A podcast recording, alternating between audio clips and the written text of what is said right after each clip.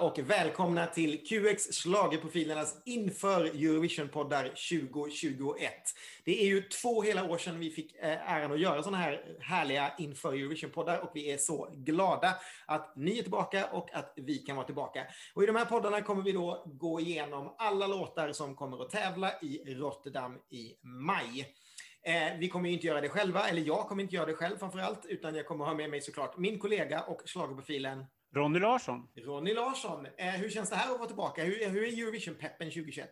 Eh, nej men den är ganska stor tycker jag. Jag, jag. jag, var nog inte så jättepepp förra året. Jag vet inte vad, vad det var. Det var det, det bara, det gick, vi kom aldrig så långt tror jag. Men i år så känner jag att jag varit med på tåget från början för att eh, Eurovision liksom längtan har varit så stor så att det var, räckte med att börja följa de här norska uttagningarna i januari för att man bara wow, det här vill jag, det här tåget vill jag haka på. ja, men det är jag, känner nog lite samma sak. Det ska bli kul att få... Jag, jag, tycker snarare att man fick ju alla låtar och så fick man inte göra någonting med dem i, i fjol. Eh, och då tycker jag det kändes väldigt, väldigt bittert. Och det känns, det känns väldigt konstigt det här att saknas ett år. Men samtidigt så gick det ganska snabbt att, ladda om eh, för året gick så fort och samtidigt så långsamt och var så konstigt. Så jag bara tycker det är skönt att, att vi får vara tillbaka där igen. Och precis som vanligt så kommer vi ju inte sätta eh, våra betyg själv, utan vi har tagit in lite fantastiska människor som ska hjälpa oss och tycka till om det här. Och vår första gäst är ingen främling för någon som lyssnat på våra Eurovision-poddar innan. Han är nog den vi känner som kan absolut mest om Eurovision och då räknar jag även in Edvard af Sillén i det här. Eh, den här personen har i flera år bidragit med fakta till SVTs införprogram och dessutom så driver han en blogg som snart har ett inlägg för varje Eurovision-bidrag som existerat genom tiderna. Välkommen Tobias Larsson! Tack så mycket, tack så mycket. Jag vet inte, alltså jag lyssnar på den här introduktionen och blir liksom hälften mycket glad och hälften lite illa berörd. Att, vem är den här människan som sitter och skriver om alla de här? Liksom, har han inget liv? Har han inget annat att göra med sin tid? Men, men jo, det har ju blivit en blogg. Jag passerade tusen bidrag här för inte så länge sedan, i mars tror jag det var. Och ehm, ja, det känns jättespeciellt att eh, fem år har det tagit att få ihop tusen bidrag och eftersom jag dragit streck efter 2019 så är det liksom 564 bidrag kvar, men det tar vi liksom i ett svep sådär. Kommer du liksom sluta här nu då? Eh, alltså, det, det, kommer inte bli något mer efter det? Alltså, jag kommer ju säkert att fortsätta skriva på något sätt, men just den här bloggen tänkte jag, den jag orkar inte fortsätta i all evighet, för sen blir det tråkigt, för sen blir det bara det här årets låtar som man ska skriva Så det, det blir liksom lite sådär. Eh, idén var ju att det skulle vara lite historiebok också, att man skulle få sätta in det i kontext och det är så svårt med de nya låtarna för man har ju ingen kontext än. Man vet ju inte hur världen ser ut om tre år och hur vi kommer att se tillbaka på det som det som hände i Tel Aviv 2019. Så lite perspektiv är bra. Så den här bloggen tar slut där, men jag hittar säkert på en annan galenskap sen. Kanske bloggar om alla, alla mellolåtarna istället. Det här var inte ett löfte förresten, det var bara en sak. Men då är det dags att plocka in vår andra gäst då. Hade ni inte koll på vem Tobias var så har ni i alla fall koll på vem hon är. Hon är nämligen inte bara en av den som senast stod på en Eurovision-scen och tävlade för Sverige och som skulle stått på eh, scen i Rotterdam i fjol för att försvara våra färger. Hon knep också i år tillsammans med Mamas en Melodifestival, Melodifestivalmedalj för tredje året i rad, vilket ingen har lyckats med i tävlingens historia tidigare. Välkommen Lulu Lamotte! Woo! Tackar, tackar. Hur känns det här då att vara med och tycka till istället för att vara den som står på scenen och blir tyckt till om? Jag tycker det känns eh, fantastiskt eh, mysigt och eh, avslappnande och ostressat. Och, ja, det är så många grejer som man slipper när man får lov att vara den som dömer. Du, det, det, är ju faktiskt så att som, som jag sa, att du var ju ändå med sist vi var där. Vi hade ju väldigt trevligt i Tel Aviv. Ja, alltså. gud ja. um, hur har det känts liksom efter Melodifestivalen? Ni kom ju faktiskt tvåa hos folket. Så ni har ju, du har egentligen två, två guldmedaljer och en silvermedalj. Det måste vara rätt häftigt. Det är fantastiskt. Alltså för mig så är det ju, eh, det är ju folkets röster som är, som är de bästa. Liksom. Det är ju klart, man är svensk och bor här. Så att då blir det väl det som är det viktigaste. men, men eh, nej, jag, jag är förvånad. Eh, inte för att jag inte tycker att vi gjorde ett bra jobb, liksom. vi jobbar lika hårt som alla andra, men jag är förvånad över att det gick så bra. Jag tänkte ju att folk skulle vara trötta på oss nu. Så jag är sjukt lycklig. Den stora frågan är ändå, blir det ett fjärde år?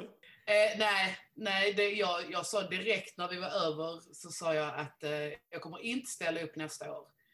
Um, inte, inte för att det inte är världens roligaste grej att göra. Alltså Mello är ju det bästa man kan vara med i. Allt som är liksom folket och ja, det bara är underbart. Men eh, för fullt allvar pallar man inte. Det är så många månaders planering och jobb. Eh, så att eh, nej, vi behöver en paus. Men om två år kanske. det är härligt. härligt. Um, men vad säger ni, ska vi kasta oss över årets låtar? Uh, och lämpligen börja från början i semifinal 1 och första låten.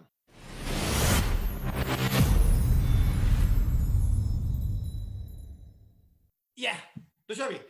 Vi börjar med Litauen och det är landet som gick in i tävlingen 1994 och genast kom sist med noll poäng. Och de har faktiskt aldrig blivit bättre än sexa och det hände 2006 med LT Uniteds fruktansvärda We Are The Winners.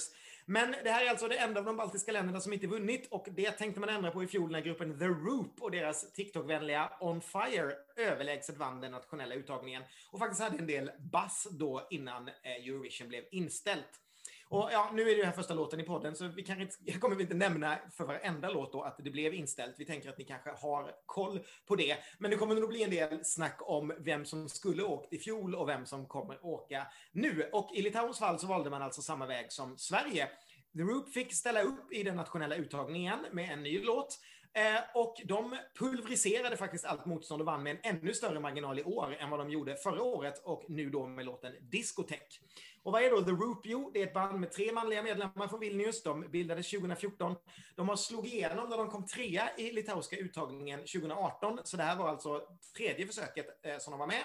Och jag tänker inte försöka uttala deras namn. De är väldigt baltiska. Jag besparar er den skammen. Utan här får ni istället ett litet smakprov på låten Discotech.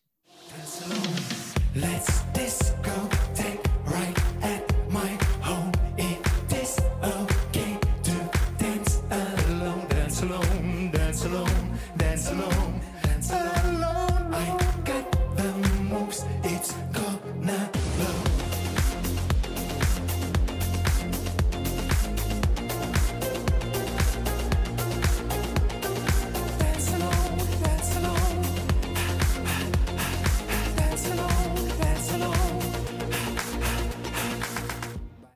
det var ju bass förra året runt Litauen och det är ju inte ord som man säger ofta. Det är ju inte så att Litauen brukar gå in i den här tävlingen och alla bara wow, Litauen, nu vinner ni. Jag tror aldrig att det har hänt förut. Jag kan inte påminna mig vilket år det skulle ha varit i så fall. Men eh, förra året så var det då lite grann Litauens år och jag tror att det är Litauens år i år också. Jag tror att de har en ganska bra chans att förbättra sitt personbästa här. Jag tycker nämligen att den här låten är bättre än den som de hade förra året. Den är samtidigt lite svårare, den är lite mörkare, den är lite, lite mer sådär bökig på en första lyssning kanske. Men sen har den en massa saker som funkar. De har den här jättekarismatiska sångaren och de har den här fåniga men effektiva dansen som de gör. Och sen det här jätte, jätte distinkta 80-talistiska syntljuden som åtminstone mitt hjärta smälter av. Så jag tycker att det här är alldeles härligt. Det här är min topp fem i alla fall och det har nog en ganska bra chans att kunna hamna i finalens topp fem också om Europa är på rätt humör. Ja, det här är en femma för mig faktiskt. Jag, jag blir... Eh, på första lyssningen så trodde jag inte att det skulle vara det, men på kanske tredje lyssningen så insåg jag att det här, den här låten är ju jag. Det här är inte min, det här är inte min etta i år, men den är väldigt, väldigt högt på min lista. Jag full femma. Eh, ja, jag får nog säga att jag tycker... Eh, jag tyckte ju att förra året, eller jag tycker att förra året var bättre. Eh, men det kanske också är för att då kändes det nytt på något sätt. Med det här lite, lite fånig dans och... Men det är någonting med förra årets låt som satte sig i huvudet på mig på ett annat sätt. Medan denna här får mig mer att tänka på när man var på rave ungefär, på, när man var lite yngre, liksom så här mörkt häng. Eh, men, men jag ger dem en eh, trea och jag tror det kommer gå bra för dem. Um, ja, nej, men jag, jag, tycker att den här är bättre än förra året. Eh, för att jag tyckte att förra året var lite, det, det, var lite, för mig var det lite mycket gimmick. Att det var liksom, det var, det var, det var ett kul och knasigt nummer och en helt okej okay låt. Men här tycker jag att jag vill lyssna på låten. Det ville jag inte förra året. Och vi, då, då, köpte jag nog paketet mer. Men här tycker jag att låten är väldigt bra. Jag gillar det här mörka, suggestiva. Um, det, är en liksom, det är en lite sexig låt. Förra året var, blev det lite fånigt tycker jag. Jag tyckte nästan att han var, sångaren var också lite obehaglig med den här rörelsen. som han gjorde med det här grejen över huvudet. Och, men i år tycker jag att han är, han är lite sexig och det är det, det, det, är inte helt lätt uppnått i de här gula kläderna tycker jag. Eh, och sen är jag väldigt fast för de här dansarna. Jag blir väldigt besviken över att, för att de i bandet är väl bara killarna och sen är det de här två andra som inte tillhör bandet och det är de jag gillar. Det är de som är hooken liksom tycker jag. Eh, mm.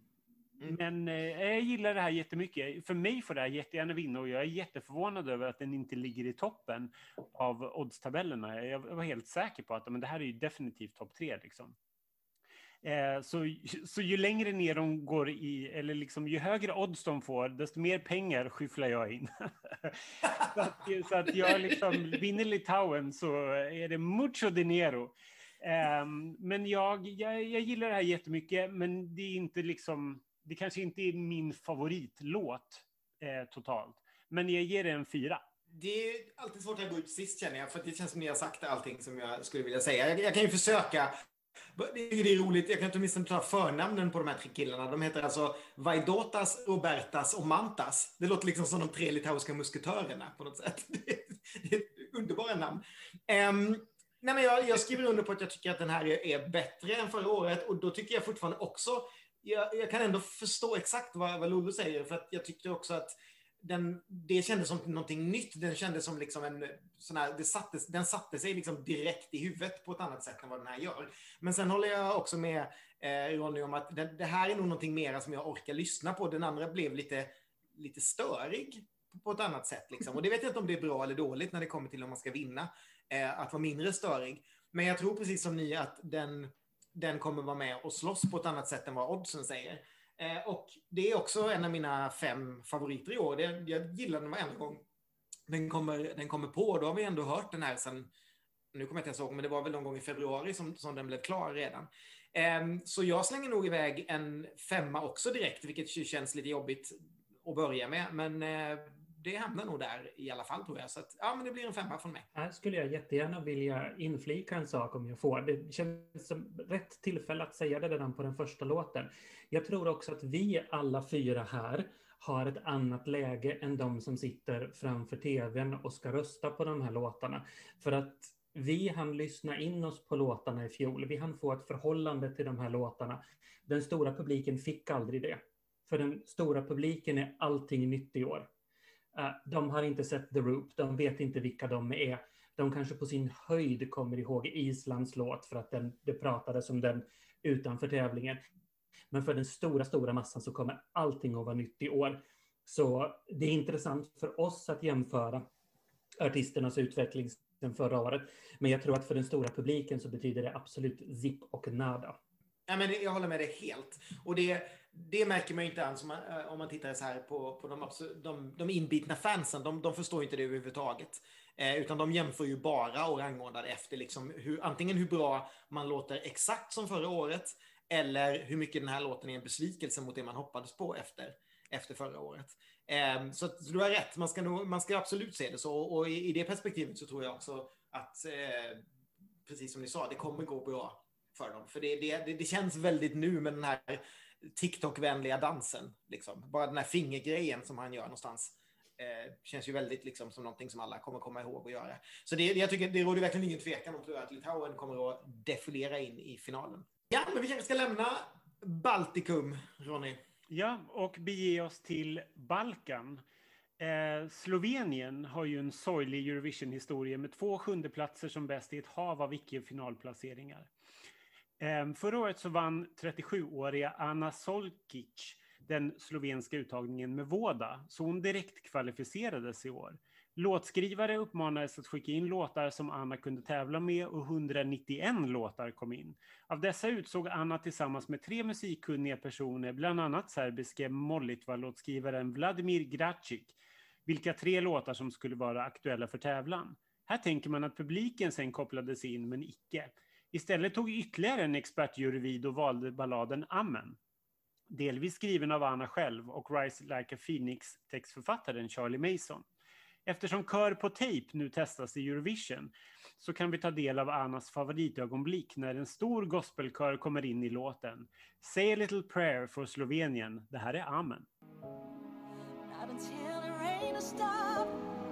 Not Just imagine it. Not until the storm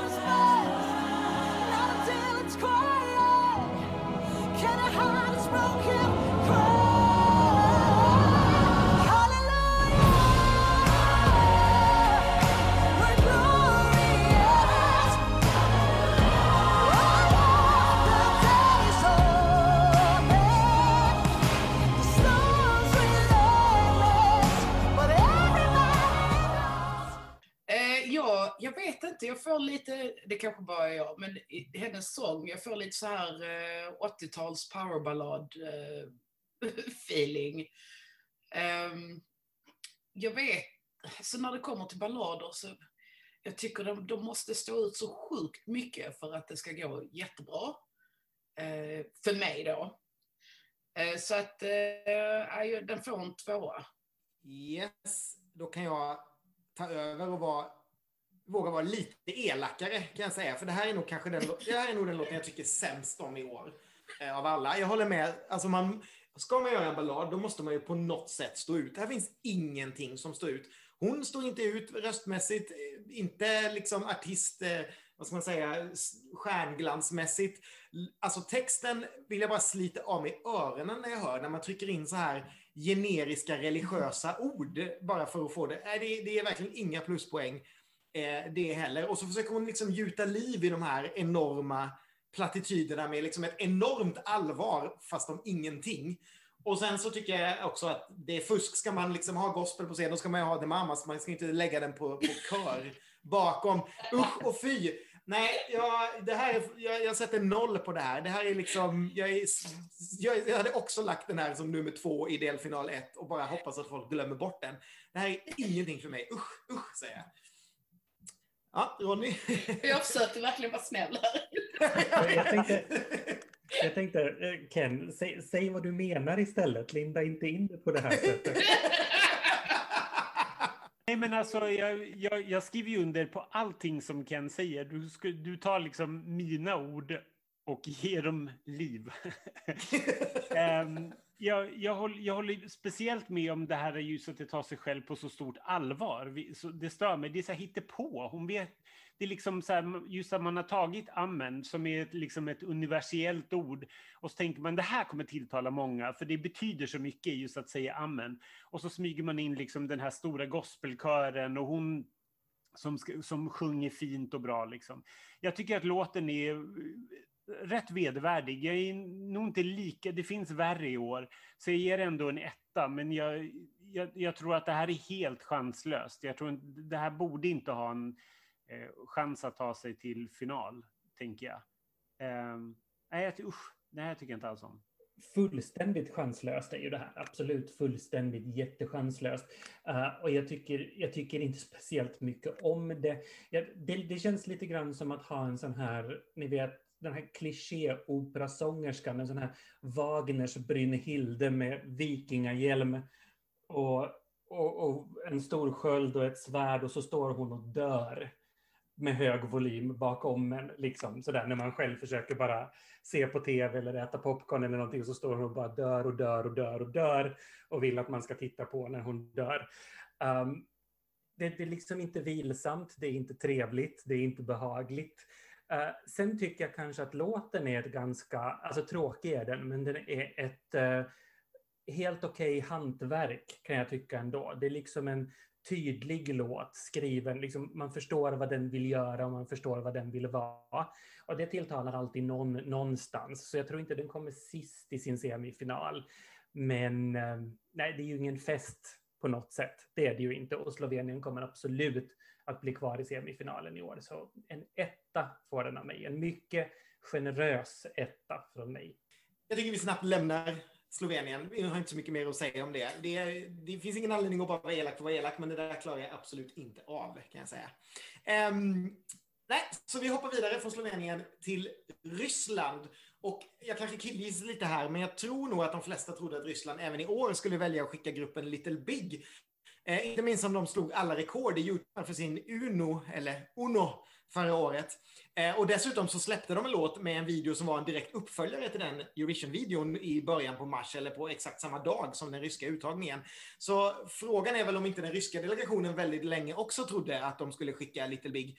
Eh, för när den här ryska finalen då hölls den 8 mars så var det bara tre låtar och den verkade väldigt, väldigt snabbt ihopslängd. Och jag tror att eh, vinnaren Manitsa berättade i en intervju, eh, som jag faktiskt inte har hittat efteråt, men jag tror att jag läste någonstans att det bara var någon vecka mellan hon fick veta att hon skulle kunna vara med i en uttagning och tävla med en lämplig låt, till att hon så småningom vann då med låten Russian Woman. Eh, ur ett QX-perspektiv så är ju 29-åriga eh, Manisha sju eh, som är spännande då en Little Big, för de omgärdades ju av massa homofobrykten. Men den här kvinnan, hon slåss mot kvinnovåld, hon kämpar för flyktingar och hon är en uttalad hbtq-kämpe eh, och uppträder på Pride-tillställningar runt om i Ryssland, vilket är ju väldigt berömvärt med tanke på hur situationen ser ut för hbtq-människor i Ryssland. Så hon känns rakt igenom som en beundransvärd och spännande artist, måste jag säga. Men musikaliskt, ja, eh, låt oss se, för här har vi Russian Woman. А чё ждать? Встала и пошла.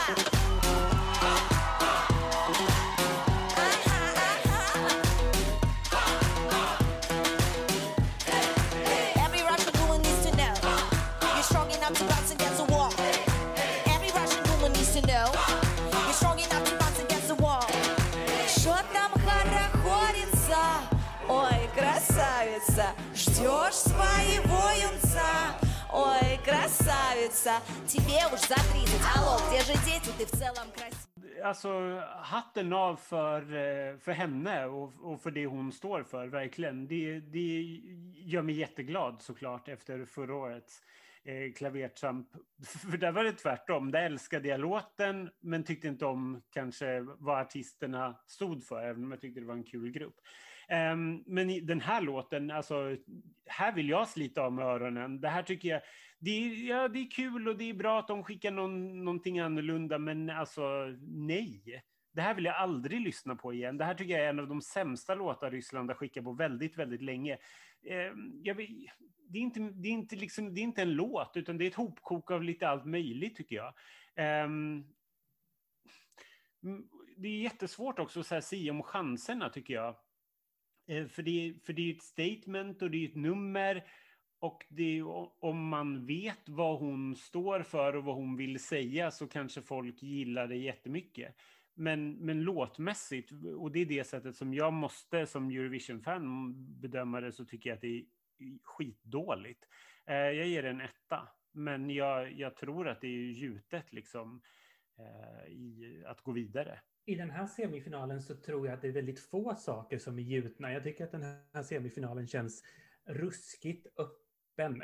Eh, därför att man vet, inte, man vet inte hur jurygrupperna kommer att rösta och sen så känns det väldigt jämnt. Det finns väldigt många låtar i den här semin som fiskar efter samma poäng. Och där kan man väl säga att Ryssland har en fördel därför att de låter ju inte som någon annan eh, i varken den här semifinalen eller i resten av tävlingen. Eh, jag tycker, att, jag tycker att det här är bättre än vad Ronny tycker. Eh, en vinnare är det ju inte. Och det som jag kanske gillar mest med den är att det är så, Ryssland har varit så himla insmickrande hela det förra decenniet i princip. Så har de gjort allt, allt, allt för att vi ska älska dem och tycka att de är härliga och att vi ska rösta på deras, deras inköpta låtar. Och nu kommer det helt plötsligt någonting helt annat som är väldigt, väldigt fast i den här artisten. Hon står för någonting och hon vill någonting. Och det tycker jag är jättehäftigt. Och jag tycker att låten har någonting. Den är lite så här stryker mothårs på ett sätt som jag tycker är kul. Jag vet sen inte om jag heller kommer att lyssna på den här tills, den, tills mina hörlurar går sönder. Men, men jag tycker ändå att det här är... Jag tror inte att det är chanslöst, men jag tror inte att det är självklart i final heller. Och jag har funderat jättemycket på hur det här gick igenom censuren i Ryssland. Jag tror dessutom, jag har dessutom en, en teori om varför Little Big inte är med i år. Jag tror att de i sista sekunden hamnade i onåd hos rysk tv eh, och att de petades. Men att man, de är så populära så det kunde man liksom inte, man kunde inte peta dem i offentligheten. Så de fick istället säga att de hellre ville låta någon annan rysk artist få chansen eftersom de redan är så kända. Eh, så Manisha, grattis till friplatsen. Um, En trea sätter jag. Kanske inte enbart på musikaliska meriter, men det här kommer att stå ut i den här semifinalen till skillnad från mycket annat. Ja, det positiva måste jag säga när jag har läst på här om eh, Manissa, eller hur uttalas det? Manissa? Ma, Manisha, tror jag. Manisha. Ja, Manisha. Det är att hennes första eh, EP hette Womanisha, vilket jag tycker är roligt. Womanisha, Womanisha. Väldigt roligt. Ehm, men negativt är ju att jag heller connectar inte med det här överhuvudtaget. Det här är lite, det är lite som när jag lyssnar på Björk. Jag tycker att det är liksom en otroligt så här spännande artist som man, man förstår på något sätt att folk älskar och att det är liksom viktigt och att, det, att, att man liksom står för någonting och sådär. Men det är liksom, jag kan inte ta till mig det överhuvudtaget. Ehm, men visst, jag, jag tar ju hellre det här än, än Sloveniens generiska icke-skräp där artisten knappt förstår vad hon sjunger och inte står för någonting alls. Eh, så att jag, jag kommer ju inte ge en noll utan jag kommer ge det en etta. Men jag kommer nog aldrig liksom lyssna på det. Men, men däremot så, så tycker jag nog att jag skriver under på det Tobias säger. Det är ju ändå intressant att ett land som alltid har liksom försökt skicka det mest liksom slipade som kan locka mest röster som möjligt utom det där året när de skickade den här stackars tjejen i rullstol. eh, för att göra någon sorts eh, poäng. Eh, så det är spännande, men eh, nej, det är inte min låt. Så jag, jag ger nog det en etta. Eh, jag tycker eh, faktiskt att eh, denna är lite kaxig och eh, lite rolig. Eh, jag vill titta på henne. Jag tycker det är, alltså hon är intressant, liksom, så här. hon fångar mitt öga.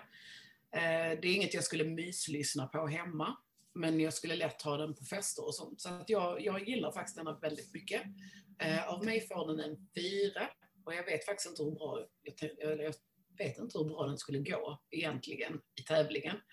Men eh, ja, jag hoppas ändå det går bra på henne. Kul! Det är jätteroligt när vi tycker så olika om någonting. Och det är ju verkligen en sån låt som man tycker olika om. Mm. Eh, och som sagt, det, det, det, det där är en artist man önskar att liksom man hade varit på plats. Det är inte många gånger som QX kan intervjua en rysk artist med liksom, och ha någonting eh, och, och fråga om, eh, måste jag säga. Nej, verkligen inte. Ehm, ja, faktiskt. Det är så svårt också. Man vill inte... Man sätter sig inte in så mycket i liksom, artisterna, tycker jag, när man inte ska dit. När man inte ska liksom, träffa dem. Då känns det inte lika in, intressant med den typen av grejer. Jag vet inte. Ja, men då kanske vi ska hoppa över till en artist som du har träffat. Ja, någon gång i alla fall.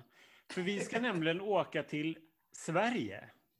Den 13 mars så tog Toussaint Chiza, a.k.a. Tusse, hem en förkrossande seger i Melodifestivalen 2021 med Voices. Sedan dess har låten streamats över 10 miljoner gånger och ligger för närvarande sexa i oddslistan. Låten skriven av Jimmy Joker Törnfeldt, Linnea och Joy Deb plus Anders Wrethov och går precis som Sanna Nielsen gjorde 2014 i sin semi ut som nummer fyra. Idolvinnarens mellovinnande nummer kommer att se lite annorlunda ut när vi ser det i Rotterdam. Men precis som i Mello så är dansarna Lamin Alexander, Kisha von Arnold, Timothy Valigo och Fatouba med honom på scenen. Det här är Voices. You hear a million voices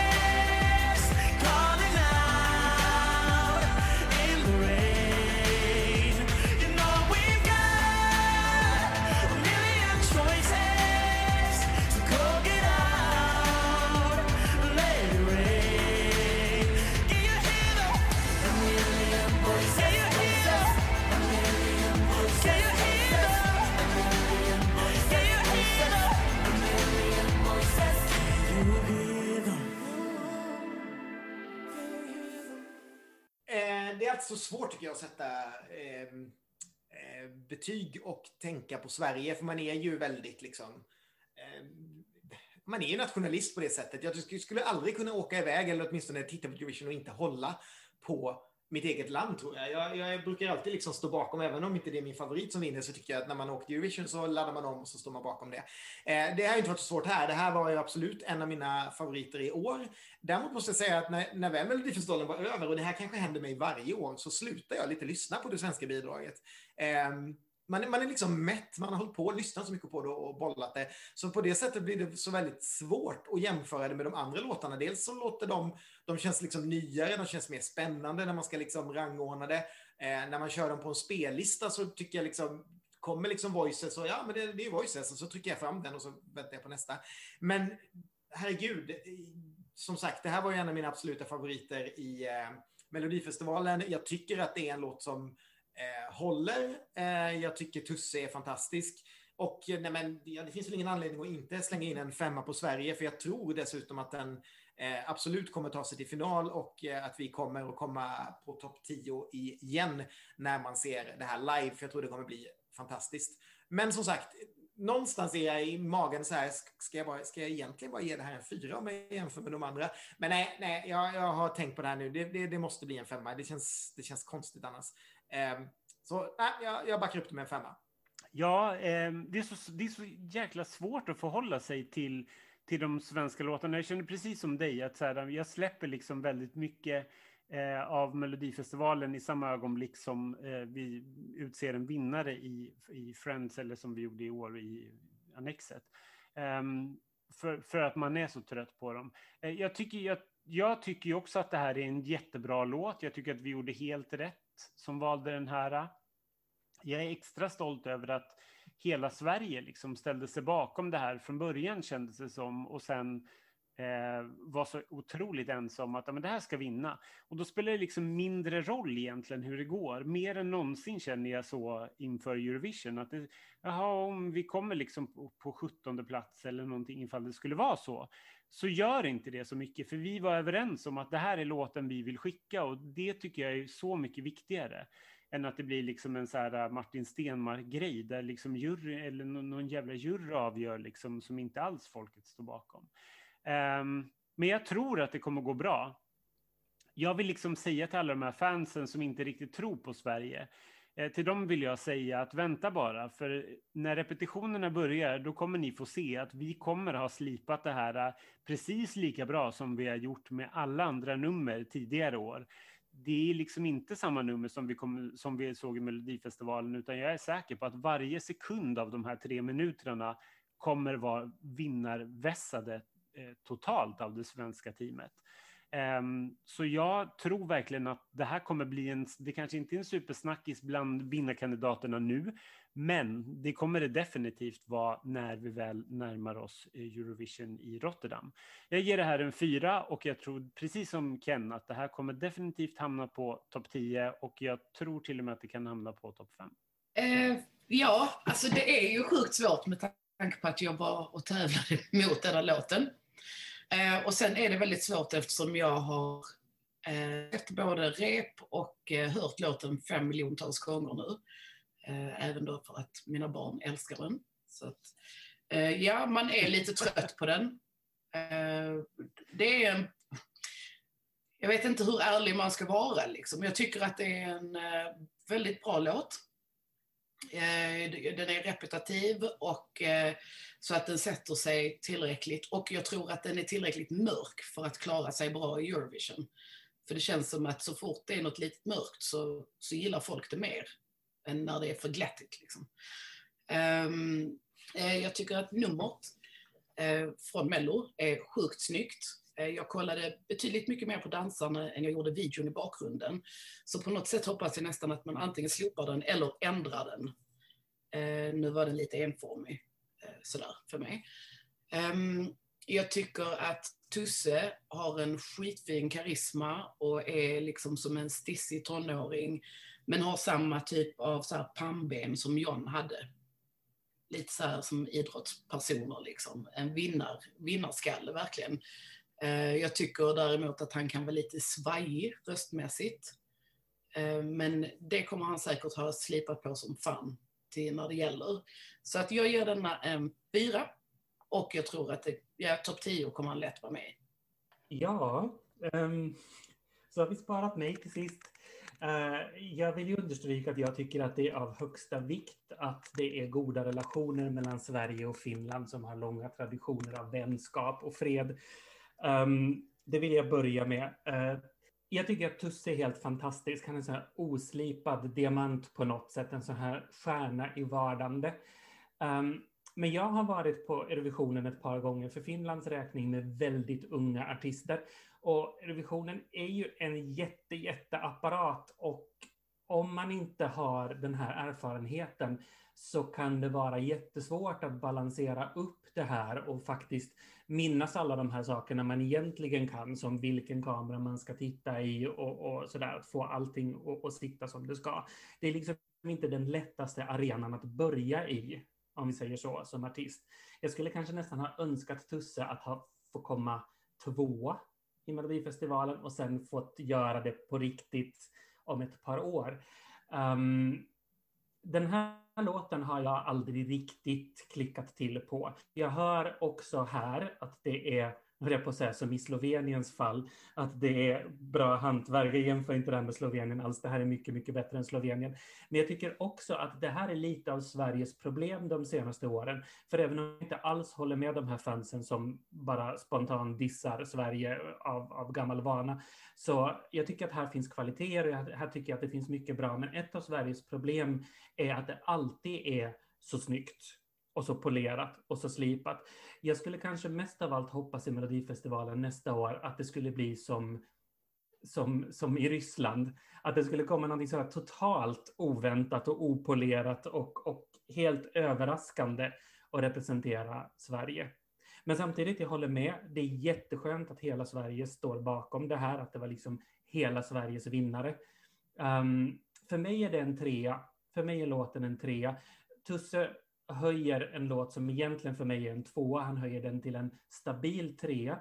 Och strunt i mig, jag tror att det kommer att gå riktigt bra. Jag, jag skulle tro att det här är en topp 10 vilken dag som helst i veckan. Det är bara inte min låt. Jag tycker att det blir, jag, jag skulle önska att Sveriges låtar skulle riva till lite mer i framtiden. Jag skriver nog under på det ändå. Eh, och då är jag den enda som brände ut en femma här, för jag tycker att det, det är ett väldigt bra paket. Men jag håller med dig helt. Jag är, jag är lite rädd för alla de här writing campsen och att, att saker kan bli väldigt liksom strömlinjeformat i Melodifestivalen. Och jag, jag, jag är helt med på att den typen av låtar ska finnas också. Men nu, det får inte bara bli så. Det måste finnas någonting som, som eh, ja, men som, som bryter av och som blir lite eget, men som ändå kan vara brett på något sätt. Eh, och lyckas vinna såklart, så att man får med sig liksom alla, eh, hela folket bakom sig, trots att man vågar vara någonting annat. Och då, ja, nej, det, det, det är väldigt intressant. Jag tänker på förra decenniets bästa vinnare, mest, ö- mest, mest överlägsna på alla listor och plan, Euphoria, som var precis det. Det var liksom en väldigt egen artist som tog en låt och gjorde den till någonting helt annat med ganska fria händer och sen så pusslades den tillbaka till att bli en hit. Och lite mer sånt, lite mer vildsinne, lite mer vildhjärna i Sveriges tänkande skulle jag önska mig. Härligt ändå att vi kunde prata lite öppet om Sverige och att ni inte var så fega som jag, fast jag var inte feg, utan jag, har- jag har studsat på det här betyget ganska många gånger och insett att nej, men den hamnar på min, på min femdel. Nog om mig och mer om Australien. För Australien de valde att köra på, på samma spår som Slovenien. Man gav helt enkelt personen som vunnit uttagningen 2020 chansen att återvända 2021 med en ny låt. Och det var då 25-åriga Montaigne som vann Australia Decides 2020. Och hon är något så ovanligt i Eurovision som en artist som inte har slagit igenom via Idol eller The Voice eller X-Factor eller någon annan talangjakt. Utan hon har helt enkelt eh, skrivit skivor, släppt singlar och så har människor gillat dem och så har hon blivit eh, en artist som fått priser och listplaceringar därefter. Lite åt indiehållet dock, men, men ändå liksom gått den vägen. Förra året så skulle hon sjungit Don't Break Me, utklädd i blått hår och inspirerad av Pokémonen Mr. Mime. Men i år så blir det inte bara blått, utan det blir alla färger i låten som heter Technicolor. Oh, oh, oh,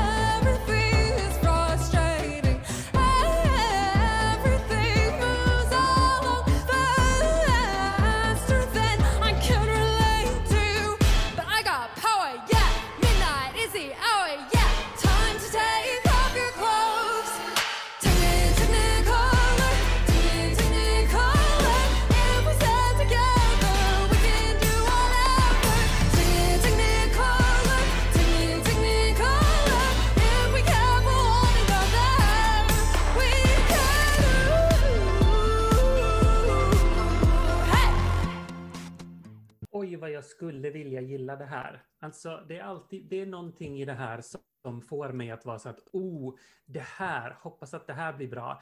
Men varje gång som den här låten nästan lyfter så tar hon i så att hon nästan svimmar för att vara så himla svår och så himla artistisk och så vrider hon till det och så blir det äh, bara pannkaka av alltihopa. Um, någon nämnde Björk här förut, alltså Björk när hon är som jobbigast tycker jag att det här är. Jag skulle önska att hon bara skulle ha låtit den här låten vara rak och enkel och då skulle jag ha älskat det här. Uh, en tvåa blir det. Och jag tror att Australien ligger riktigt skrynkligt till att kanske åka ut första gången. Uh, för mig, nu jämför jag ju lite med förra året. Eh, och förra året så tänkte jag Skriker musikhögskola.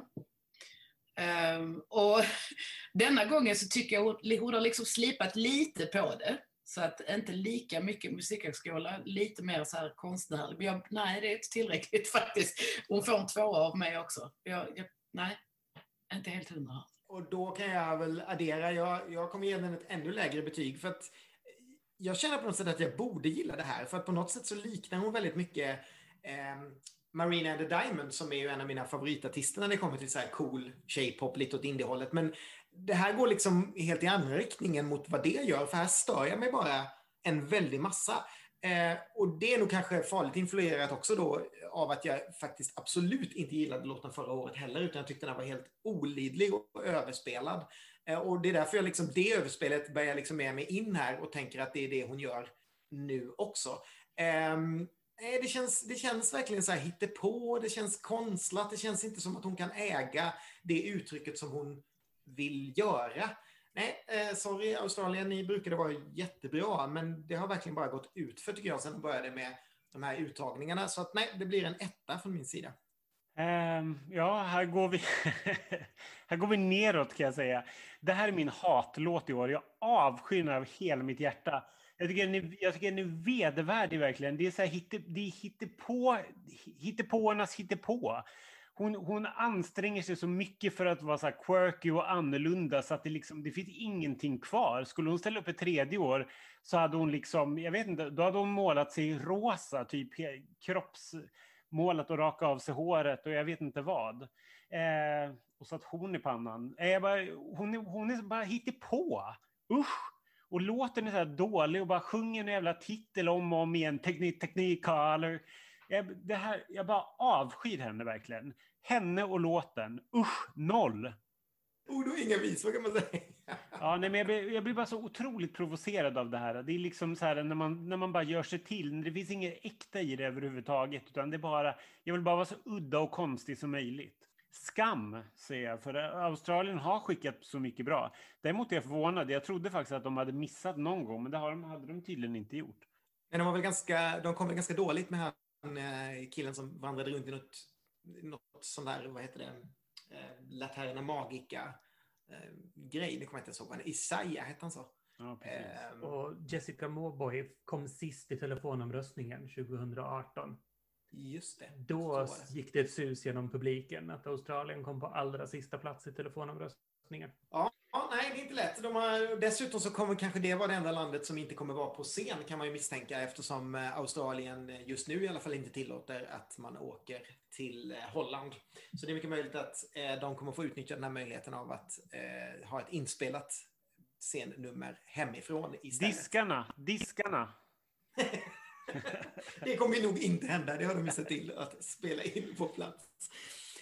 Um, Ja, nej, men vi, ska vi flyga tillbaka från Australien Ronny, och hamna i Europa igen? Det, jag, jag täcker in hela Balkan i den här podden.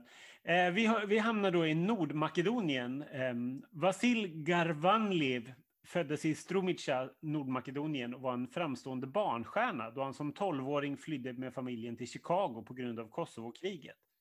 Han har pluggat sång i Milano och Toronto och som baryton har han uppträtt över hela Europa.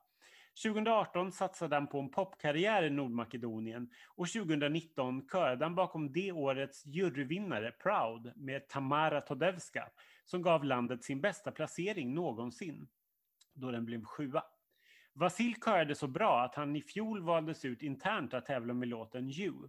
I år tävlar han med Here I Stand, vars video blev hett omdiskuterad då den sades sprida bulgarisk propaganda på grund av ett konstverk i videon. De komplicerade relationerna mellan Nordmakedonien och Bulgarien är en helt annan historia.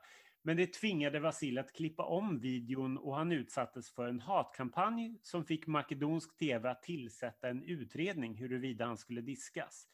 Men han får stå på scenen. Och här är hans egenskrivna låt Here I Stand. They all try to break out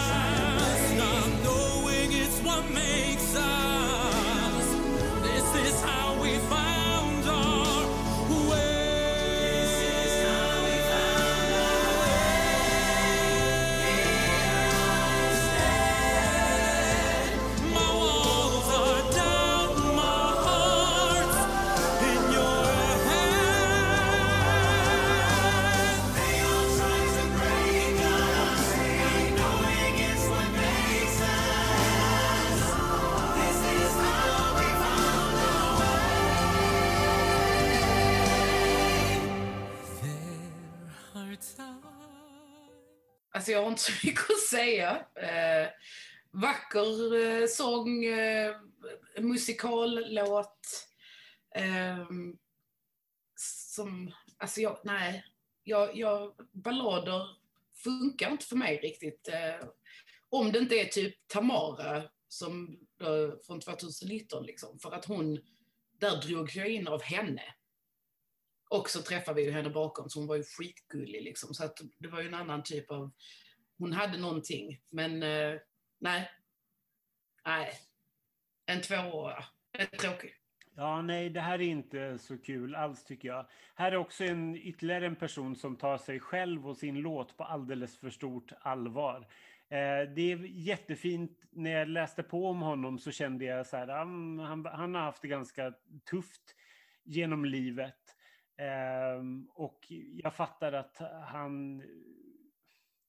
Ja, jag får ju lite regnbågsvibbar av Vasil när jag, när jag ser honom. Men det kan man ju, jag vill ju inte outa honom och det är ju svårt att säkert att vara den han är. Som han kanske blev då som musikalstjärna i Chicago och sen komma tillbaka till Nordmakedonien och bli någonting annat. Eh, Men det är en helt annan story. Det är en annan QX-podd. Ehm, men nej, det här är nog också låten, framförallt låten är nog allting som jag tycker är, är vedervärdigt med, med liksom musikal. För det här är så här musikalmusik för mig. Eh, som, in, som inte alls griper tag, som bara är så här, det är bara stort, man slår på stora trumman och gör någonting stort som inte liksom fångar upp känslorna, utan det är bara, det ska, det är bara så stora gester, man målar med så stora penslar eh, att, man, att man missar liksom att, att fånga in den som lyssnar. Gud vad luddig jag lät nu.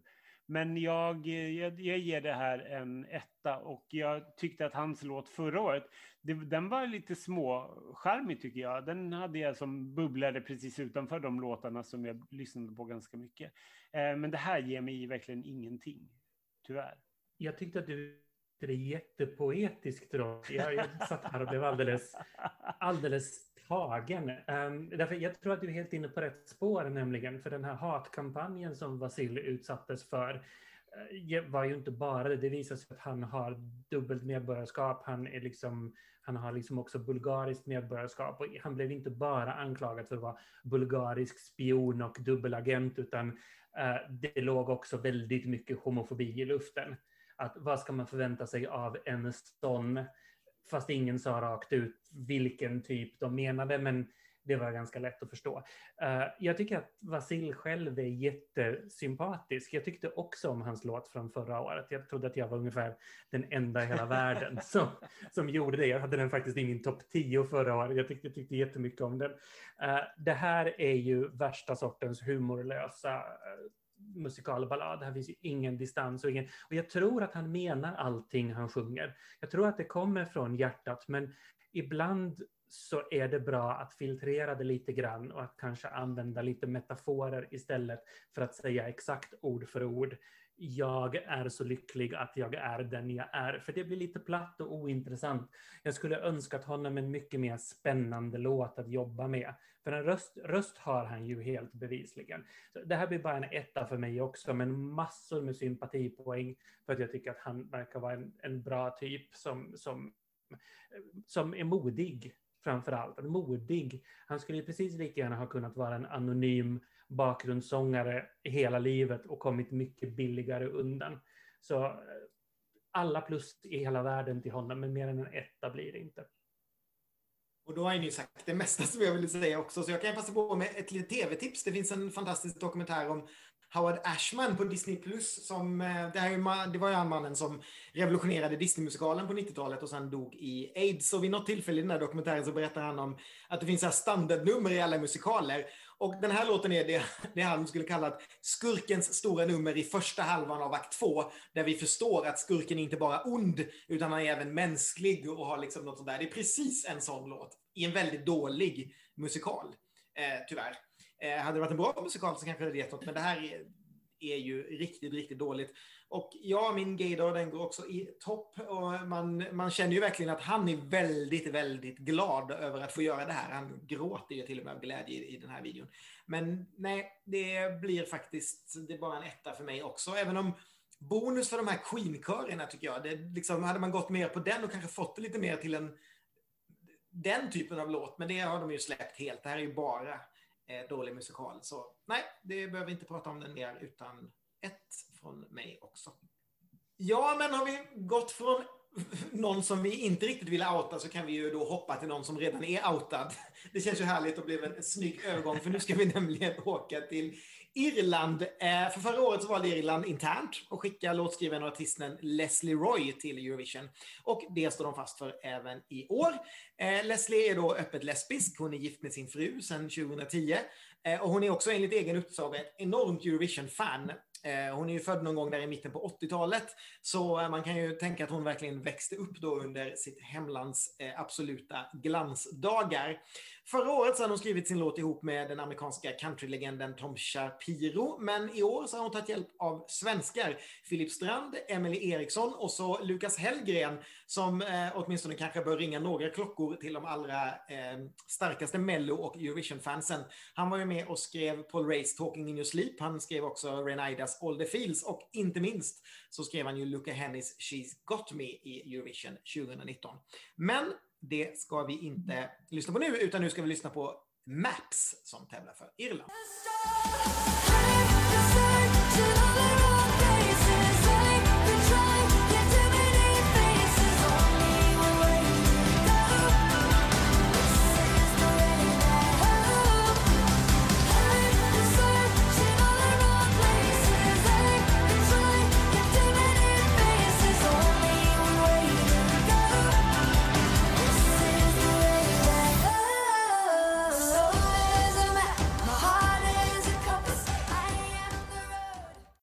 Eh, den här låten eh, kände jag direkt när jag hörde den första gången att ja, men det här är ju chanslöst. Men sen, eh, för, och in, inte dåligt chanslöst, utan det, jag tror bara att det var chanslöst. Det var liksom en axelryckning, precis som hennes förra låt var. Men sen för varje lyssning så tycker jag mer och mer om den. Eh, sen har folk i min direkta närhet hållit den som en av sina absolut, absoluta favoriter i år. Läs min pojkvän.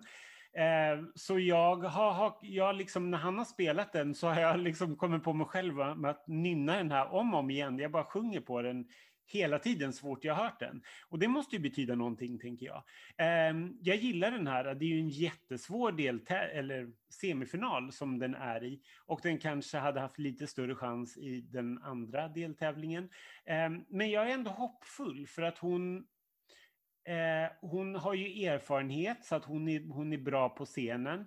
Hon ska dessutom eh, stageas av Benke Rydman eh, efter att ha kontaktat honom för att hon gillade Måns nummer så otroligt mycket. Eh, och det båda ju gott, tänker jag. Det kanske kan lyfta den här låten ytterligare ett snäpp. Det är ju en, kanske en axelryckning, men jag tycker den är rätt härlig ändå. Eh, jag, jag ger det här definitivt en stark trea. Och jag tror eh, jag tror inte att det är gjutet att gå vidare, utan jag tror snarare att det kanske hamnar utanför. Men jag hoppas att det går vidare, för jag tycker att det här är en av de bättre låtarna i den här deltävlingen.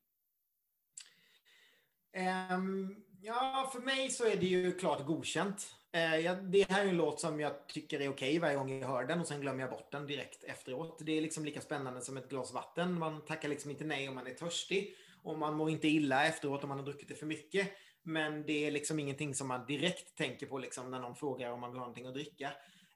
Um, så nej, jag har faktiskt inte så mycket att säga om det här. Jag tycker att det är, på, på ett sätt så är det liksom Slovenien för mig för att det är så himla harmlöst att bara gå förbi. Men det finns ingenting som stör mig här, utan det här är det väl liksom, och jag vet inte om det kanske är mera för att det är kanske lite mera väst, lite mera den musiken som jag lyssnar på i vanliga fall. Alltså att den har liksom den typen av, av, av vibb. Eh, men det gör absolut ingenting för mig. Så att den, för mig är det nog mer en, en tydlig och stark tvåa. Det är så mycket tvåa man kan bli. Eh, så att, ja, det blir en tvåa. Mitt största eh, test på låtar, alltså Eurovisionslåtar, det är att um, det, är, det är när de dyker upp på Spotify och man kan liksom lyssna på en, en eh, spellista och få dem liksom i hörlurarna ute i verkligheten när man inte sitter och lyssnar koncentrerat. För då blir man liksom överrumplad av saker och så märker man vad som funkar och vad som inte funkar.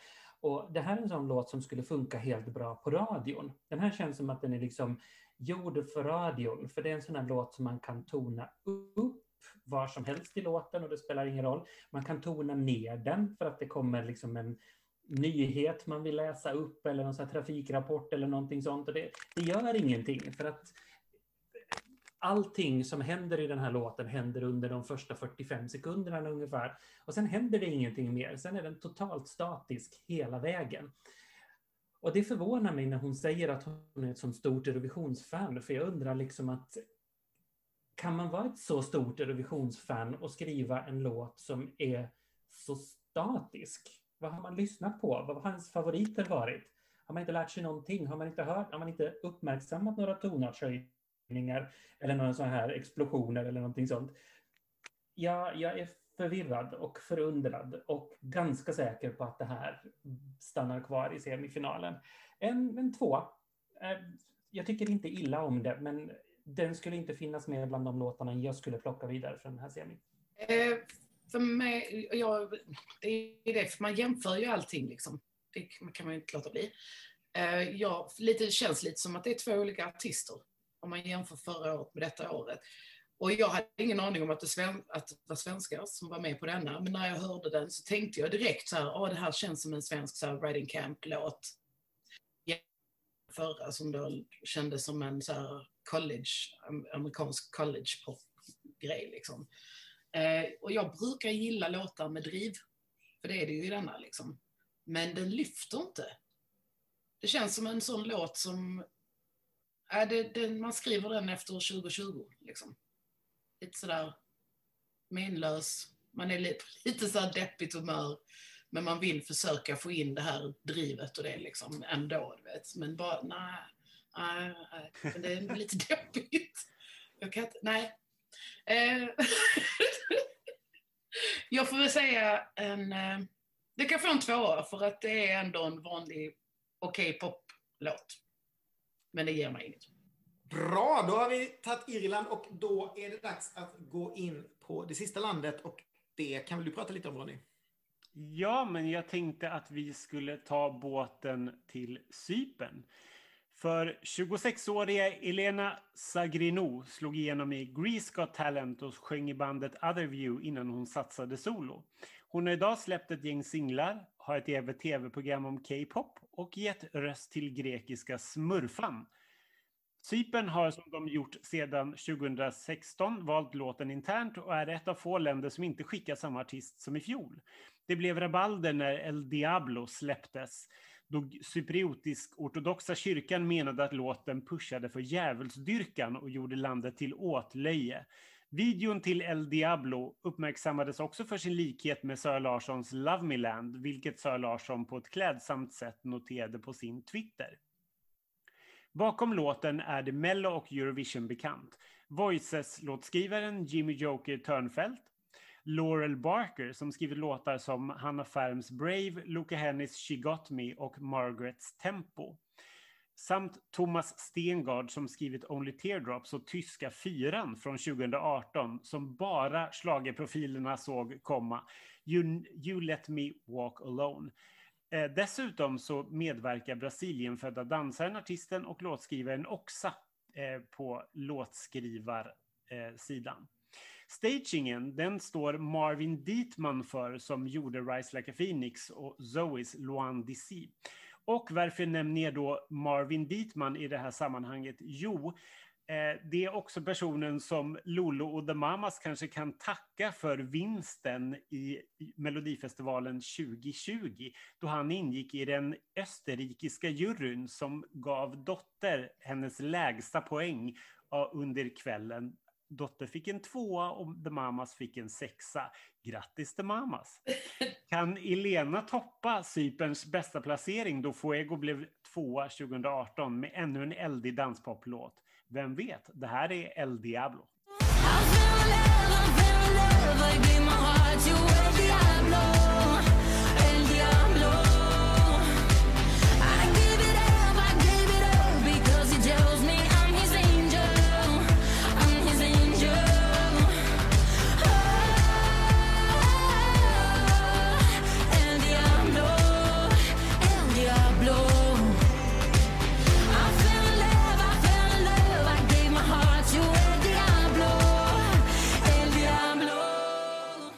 men det här gillar ju jag. det är ju såklart också generiskt på sitt sätt i, liksom, i genren hur gör vi ännu en Fuego så vi kan komma bra. Eh, de har ju fastnat lite i det, eh, sypen. Cypern. Men jag tycker ändå att det här är kanske det bästa försöket de har lyckats få fram sen eh, Fuego. Och ett av de mera härligare försöken i den genren i år som ju är ganska utbredd, just den här lite hård för etnisk tjejpop, danspop-grej. Eh, eh, självklart snott från Lady Gaga, delvis. Det hör ju alla som någonsin har lyssnat på radio. Men vad fan, jag är, jag är inte så kräsen när det gäller att låna saker när man kommer till Eurovision. Om det inte är liksom så att man på något sätt bara blånekar till det eller sådär. Då tycker jag att man kan få låna rätt friskt inom eh, eh befintliga ramar. Ehm, så att det här försöker väl inte på något sätt låtsas att det inte liksom vill vara en eh, Lady Gaga-låt och eh, den tror ju inte heller att den är liksom stor konst eller tar sig själv på det där allvaret som vi har pratat om så många gånger tidigare. Um, nej, jag tycker att det här är kul. Jag tycker att det här är Euroclub. Tycker att det är Fuego. Hell no. Men uh, alltså, jag hoppas att det blir bra drag live, ett snyggt nummer. Jag tror, in, jag tror absolut att de kommer ta sig till final. Ingen tvekan om det i den här semin. Men om de sen kommer att vara uppe och slåss i toppen, ja, inte riktigt så säker på det. Men eh, helt klart i final, helt klart på vänstra halvan av scoreboard skulle jag nog säga i alla fall. Så det blir en fyra från mig. Eh, ja, eh, jag, eh, alltså jag, jag skrattar ju lite när jag hör det här. Alltså jag, I fell in love with El Diablo. Det är en låt som jag lätt skulle kunna så här, ha i bakgrunden på en fest och sjunga med lite sådär, haha, typ. Eh, vad är det för skittext? Typ. Men sen samtidigt så gungar jag med och, och jag är med i låten liksom. Så att det är ju någonting jag tycker om med den. Um, jag, jag, jag kanske hade gett den en tvåa. Eh, ja, det här är ju en av mina stora favoriter det här året. Jag tycker att den här är jättebra. Och det här är också, här, med den här låten så inser jag också att jag ska ju aldrig höra en låt första gången och tycka till om den direkt. Jag måste ju liksom lyssna på låten i alla fall två, tre gånger innan jag ska uttala mig. För när jag hade hört den här första gången så bara, Åh, vad är det här för någon billig Fuego-kopia? Det här kommer inte ta sig någonstans. Och nu älskar jag den. Eh, jag tycker, det är klart att det är fånigt, men det är, så här, det är Eurovision-fånigt. Eh, det är Eurovision-ljuvligt också. Jag hoppas att hon sjunger jättebra och framförallt att hon har karisma. Eh, det är ju svårt att leva upp till Fuego-hypen liksom. För Eleni Foreira är ju helt magisk. Eh, de, man försökte ju med Tamta sen och det var inte riktigt samma sak kändes det som. Eh, så att man måste ju ha det här lilla extra för att lyfta en, en, en sån här typ av låt. Liksom. Eh, Men jag gillar den jättemycket. Jag tror att den kan gå bra, hamna någonstans. Den går till, definitivt till final och hamnar, hamnar väl någonstans i mitten tror jag. Jag tror inte att det är en eh, topplacering. Men jag hoppas att det är det. Jag ger eh, Sypen en femma i år. Och så ska jag komma och punktera den här ballongen då. Um, jag är precis som. Jag måste lyssna flera gånger och för mig har det här gått precis åt andra hållet. Jag tyckte att refrängen var jättehärlig första gången. Jag tyckte den var så här energisk och pumpande och liksom, eh, du vet, Lady Gaga inköpt på Galne Gunnars lågprisvaruhus visserligen, men ändå. Det liksom, där fanns någonting som övertalade mig och liksom överrumplade mig lite grann. Sen har den liksom bara krympt och krympt för varje gång jag hör den. Jag hittar fler och fler saker. Jag irriterar mig i den. Jag tycker att vägen fram till den där härliga refrängen är jättebökig. De hittar på jättemycket saker jag tycker är jättetöntiga. Den här mamacita-grejen och nej usch. Och sen så tycker jag att för att ge riktiga dödsstöten, den där barnkören som kommer in. Jag tycker att det är vedervärdigt. Och jag tycker det är så synd för de har en bra refräng här. Och sen tror inte jag att hon riktigt är rätt person att, att, att liksom fylla den här med kött och blod. Sen tycker jag lite synd om Cypern, som visserligen är ett litet land, men som har jättefina musiktraditioner och som har fostrat några av den grekiska musikvärldens allra största stjärnor.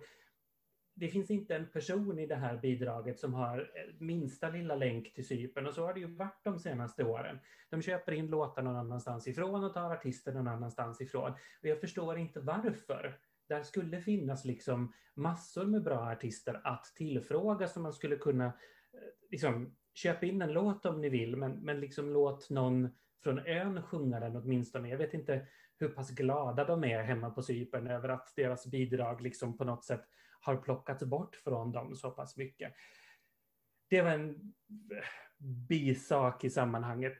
Men, men som sagt, den här krymper och krymper för mig. Den är, den är en tvåa för mig idag. Jag skulle vilja gilla den mer, men, men tycker att det finns andra kandidater i samma genre som är, som är skojigare i så fall. Också i den här semifinalen faktiskt. Så två. Det är så roligt ändå för att allt det som du inte tyckte om, det tyckte jag, det, det gillar jag. Jag gillar det där Mamacita, jag gillar barnkören. Gillar du Det är som- barnkör, Ronny Larsson? Vem har Det trodde jag aldrig. Jag tror faktiskt, apropå den här barnkören också, att det här är en av låtarna som faktiskt kan förlora på att man får ha, så, att man får ha bakgrundssång på band. För jag tror att den här låten skulle ha behövt den där eh, spänningen, dynamiken som uppstår av att alla sjunger på scenen. Att jag tror att det kan kännas dött när det är så pass mycket förinspelade röster. Jag tror att hon skulle ha behövt den där lilla extra urladdningen. Jag vet inte riktigt om hon har det i sig själv. Sak som jag funderade på, och nu, det här vet säkert du Tobias, jag slipper killgissa, men Cypern måste vara ett av de få länder som valde internt förra året och sen bara scrappade sin artist och så tog en ny. För de flesta som valde internt har väl valt samma. Sen har en del som tävlade, vi som har haft tävlingar då, fått låtit folk tävla om och sådär. Men de valde ju han Sandro och sen fick han bara inte vara med, utan sen valde vi en ny internt. Ja, I en del länder var det så, Frankrike exempelvis, där, där sa artisten att nej, jag vill Ja, inte. det. De ville bara vara med på den här grejen och så var det bra. Eh, Cypern har inte med ett ord kommenterat Sandros existens. Vi vet väl inte om han finns kvar. Jo, det, det vet vi. Han har en liten karriär i Tyskland under ett nytt artistnamn. Han heter inte Sandro längre, utan han kallar sig någonting annat som jag inte ens kommer ihåg. Jag tror att Cypern helt fräckt kollade lite på vadslagningslistorna som han blir innan tävlingen ställdes in och bestämde sig för att den här Sandro verkar ju kanske inte så het. Det kanske inte verkar som att alla älskar honom. Och så bytte de ut honom mot någon annan, för de tänkte att ingen märker det. Det var faktiskt en av de få så här ögonblicken som jag hade under förra, eh, förra året Eurovision eftersom det, det enda för-eventet som blev av var det i Stockholm dagen innan Melodifestivalen. Och då skulle Sandro med stort pompa och ståt eh, visa upp sin låt inför liksom en samlad fanskara som var där och bland annat träffade Islands artist och Norges artist och sådär. Och det, det, det blev ett sånt himla ett artigt handklapp bara. Alltså man kände liksom redan där att det kanske inte riktigt var den effekten de ville ha. Liksom, utan det var verkligen så här, mhm, ja, okej. Så att, ja, det kanske redan liksom satte sig där. Att, Och sen vet man ju inte, jag menar som sagt återigen, jag har varit på revisionen några gånger och vet av egen erfarenhet att ett, ibland är det så att de här artisterna som framstår som mest älskvärda och fantastiska i rutan och i, liksom, i intervjuer och så vidare, inte alls är så himla älskvärda i delegationen, liksom mot de som man ska jobba med. Så det kan ju vara så att den här Sandro helt enkelt visade sig vara skitjobbig och inte alls var något kul att ha med att göra. Och därför fick fallucka. Jag vet inte, jag har ingen aning. Men Cypern har inte kommenterat desto vidare varför man valde någon helt annan. Så stackars Sandro. Ja, men då har vi gått igenom första halvan av eh, första semifinalen i Eurovision 2021 och vi kan säga att vi var ju ganska överens om att Litauen var den bästa låten med Sverige som kom tajt efter. Litauen fick 17 poäng totalt hos oss. Sverige fick 16 och sen hade vi ändå Cypern på en 13 poäng och en tredje plats. Eh, ett litet hopp ner sen till eh, faktiskt Ryssland och Irland på 9 poäng.